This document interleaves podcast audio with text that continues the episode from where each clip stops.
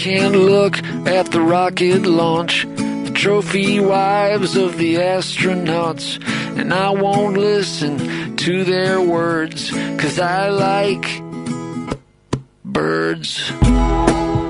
As jy enigstens wonder oor voels, wat se voeltjie jy daar voor jou sien, die regte mens om te vra is Andrew Buitendag want hy is 'n voelkenner. Verseker nie vir Janine nie, ek weet niks. Maar dis hoekom ons mense invoer om ons in te lig oor die spesies daar buite. Vandag weer 'n fascinerende een wat ek nie glo nie die naam mag sê nie. Hallo Janine en luisteraars. ja, maar ek wil vir julle 'n bietjie kom vertel oor 'n baie oulike voeltjie wat ek en vrou lief onlangs gesien het. Ek uh, ek lankal wat ek graag hierdie ouetjie wou gesien het, weet, en toe met die Desember vakansie toe ons 'n uh, 'n rit gevat by Kimberley se wêreld verby en daarso toe toe, toe nou uiteindelik kon ons hom gesien het. Hy's die heel kleinste roofvoeltjie in die hele Afrika kontinent. En dit is die dwergvalk.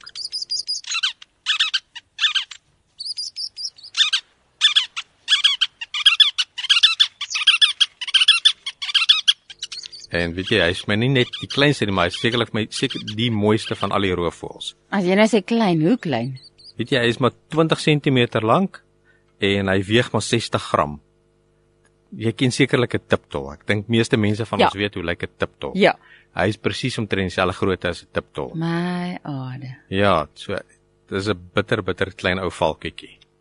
Die mannetjie en wyfietjie het albei 'n wit onderkant en hulle is grys bo, maar so baie min van die roofvoëls lyk die mannetjie en die wyfietjie gewoonlik dieselfde, maar hierdie enetjie kan mens die twee darm uitken van mekaar af. Nee, vir die wyfietjie het so 'n rooi-bruin ruggetjie ook, waar die mannetjie is net grys en wit. Nou hulle kom voor in die Kalahari gedeeltes en in die droër noordweste gedeeltes van ons land, reg deur die Kalahari streek en tot in Namibië wat jy hulle kan kry.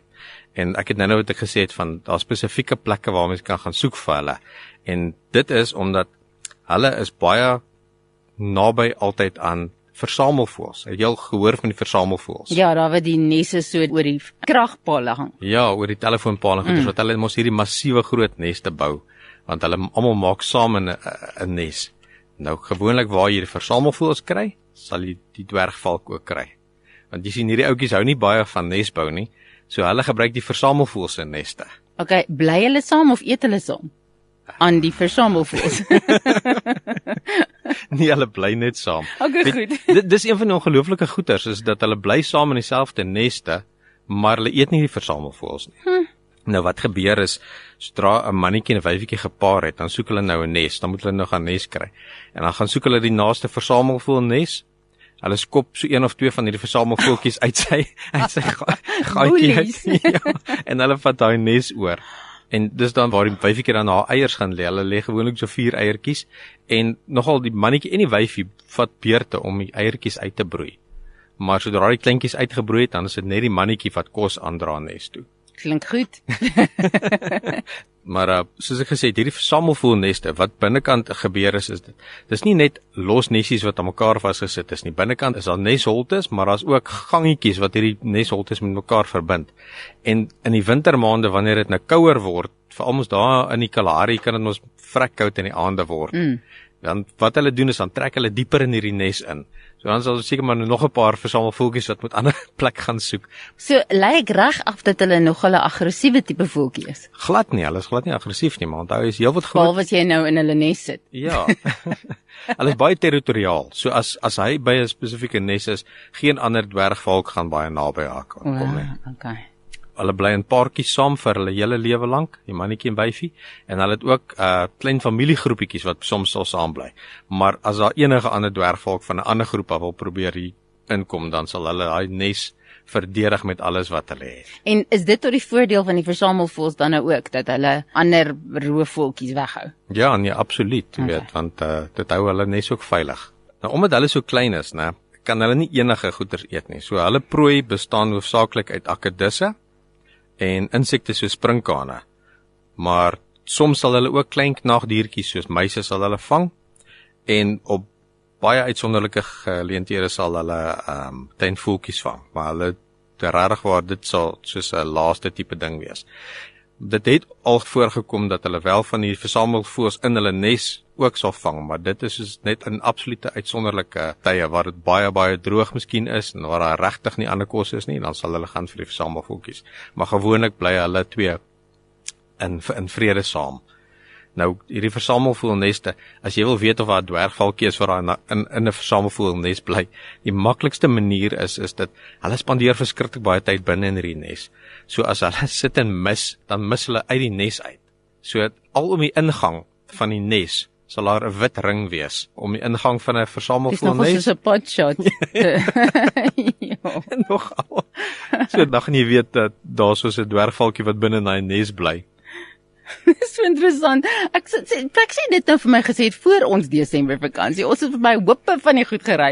En nou sê jy vir my alhoewel jy moet nogal seker naby gaan staan om dit raak te sien. Ja, dis ek sê alles so klein jy gaan reg moet naby wees. Dit 'n klein sirkeltjie met. goed dan. Nou ons het direk terug het ons gepraat oor die witkool uil, onthou jy? Mm. En ek het vertel hoe die witkool uiltjie agter op sy kop het hy twee witkolle wat lyk soos oë om om ander uh, roofdiere af te skrik om te dink dat hy kyk vir hulle.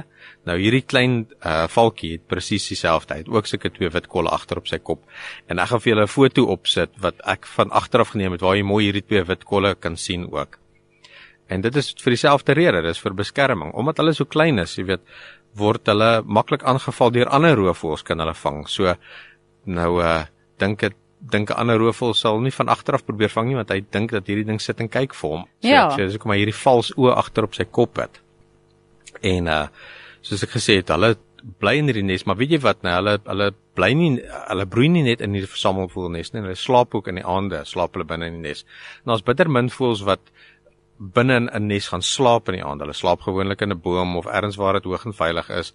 Weet maar hulle broei in 'n nes. Hulle slaap nie in 'n nes nie, maar die, die dwergvalkie slaap binne 'n nes en hulle spandeer tot 60% van die dag binne in hierdie neste. So die een sit op die eiers of terwyl die ander een langs die eiers sit en wag vir sy beurt om op die eiers te sit. Ja, dis hoekom ek gesê het, weet, baie keer as hulle binne in so 'n nes intrek, dan is dit sommer een of twee verskillende uh versamelvoël families wat hulle uitskop want hulle spasie nodig. Hmm. van hulle eie. Klein boelies. Okay. Ja. Goed. nou weer 'n keer net soos met die witkooluil, wat ek gesê het, weet met die met die vals oogies wat hulle agterop het. So gee die Here amper vir ons ook o agter in ons kop. Weet, die Heilige Gees wat ons kan waarsku vir vir enigiets. En en as ons regtig waar onder die bloed van Jesus is en ehm um, ek gaan die duiwel twee keer dink want hy hy gaan dink dat jy sit en kyk vir hom. Jy weet van hom. En dan ons sal nie so maklik aangeval word deur die vyand nie. Nee, verseker. Ek hou ook van hierdie ding dat hulle so territoriaal is. Ek dink dadelik in daai skrif van as God vir ons sê jy is myne en niks kan jou uit my hande uitskeer nie. En dan dink jy daar's amper 'n die Engelse woord is fierceness daar omtrent, né? Ja. Wat wat die Here net eenvoudig sê, sukkel met hulle en jy sukkel met my. Sal ja. met hoe hulle die die versamelvoeltjies ook dan nou beskerm. Dis als persoonlik vir die Here as jy met sy kinders sukkel. So ek weet nie hoe Romeine 21 mense die feit dat hulle sulke klein boelietjies is nie, maar hulle doen dit vir 'n goeie doel vir hulle kindertjies om in 'n lekker groot nesie groot te word. Maar ehm um, en dat die mannetjies die kos aandra. Natuurlik ons as vroutjies geniet die gedagte dat die mm. mannetjies die een is wat die kos aandra. Maar dit voel tog vir my 'n bietjie onvoorspelbaar. Ons het maniere van dinge doen en dink dat dinge werk en alles. En die Here kom en hy maak dit spesifiek anders. Ja. Dat dit nie so en dit werk net so goed. Ehm um, en baie keer is ons nie oop daarvoor dat dinge anders sal wees nie, want dis hoe ons nou besluit het dinge moet werk is so. En dan ja, kom die Here en as hy dit anders daar stel, dan vat dit eers 'n ruk om ons te oortuig dit is so. Ja, maar in die natuur weet hulle hy's reg. Ja, of ons kyk nou weet hoe die wêreld dinge doen en weet hoe die wêreld dinge doen is nie noodwendig hoe God dinge doen nie. Presies ja. Dit ons wil altyd inwees en alles doen soos wat die wêreld doen, maar dis hoekom die Here in die woord sê dat jy moenie in die wêreld gelykvormig word nie. Ja. Nog 'n rede om in die woord te bly, ja. omdat dit daardie waarheid is en nie noodwendig nie enigsins glad nie enigsins daar buite nie. Okay, 'n dwergvalk. Nee, ons sal uitkyk vir die wit randjie in die toekoms. en dan kan jy baie slim klink as jy by hierdie versamelnes gaan en sê, "Jy geweet, daar bly 'n dwergvalk daar binne." As dit al weer iets by geleef vandag, hoor baie dankie. Dis 'n groot plesier. Waartoe gaan die mense as hulle nou wil meer sien?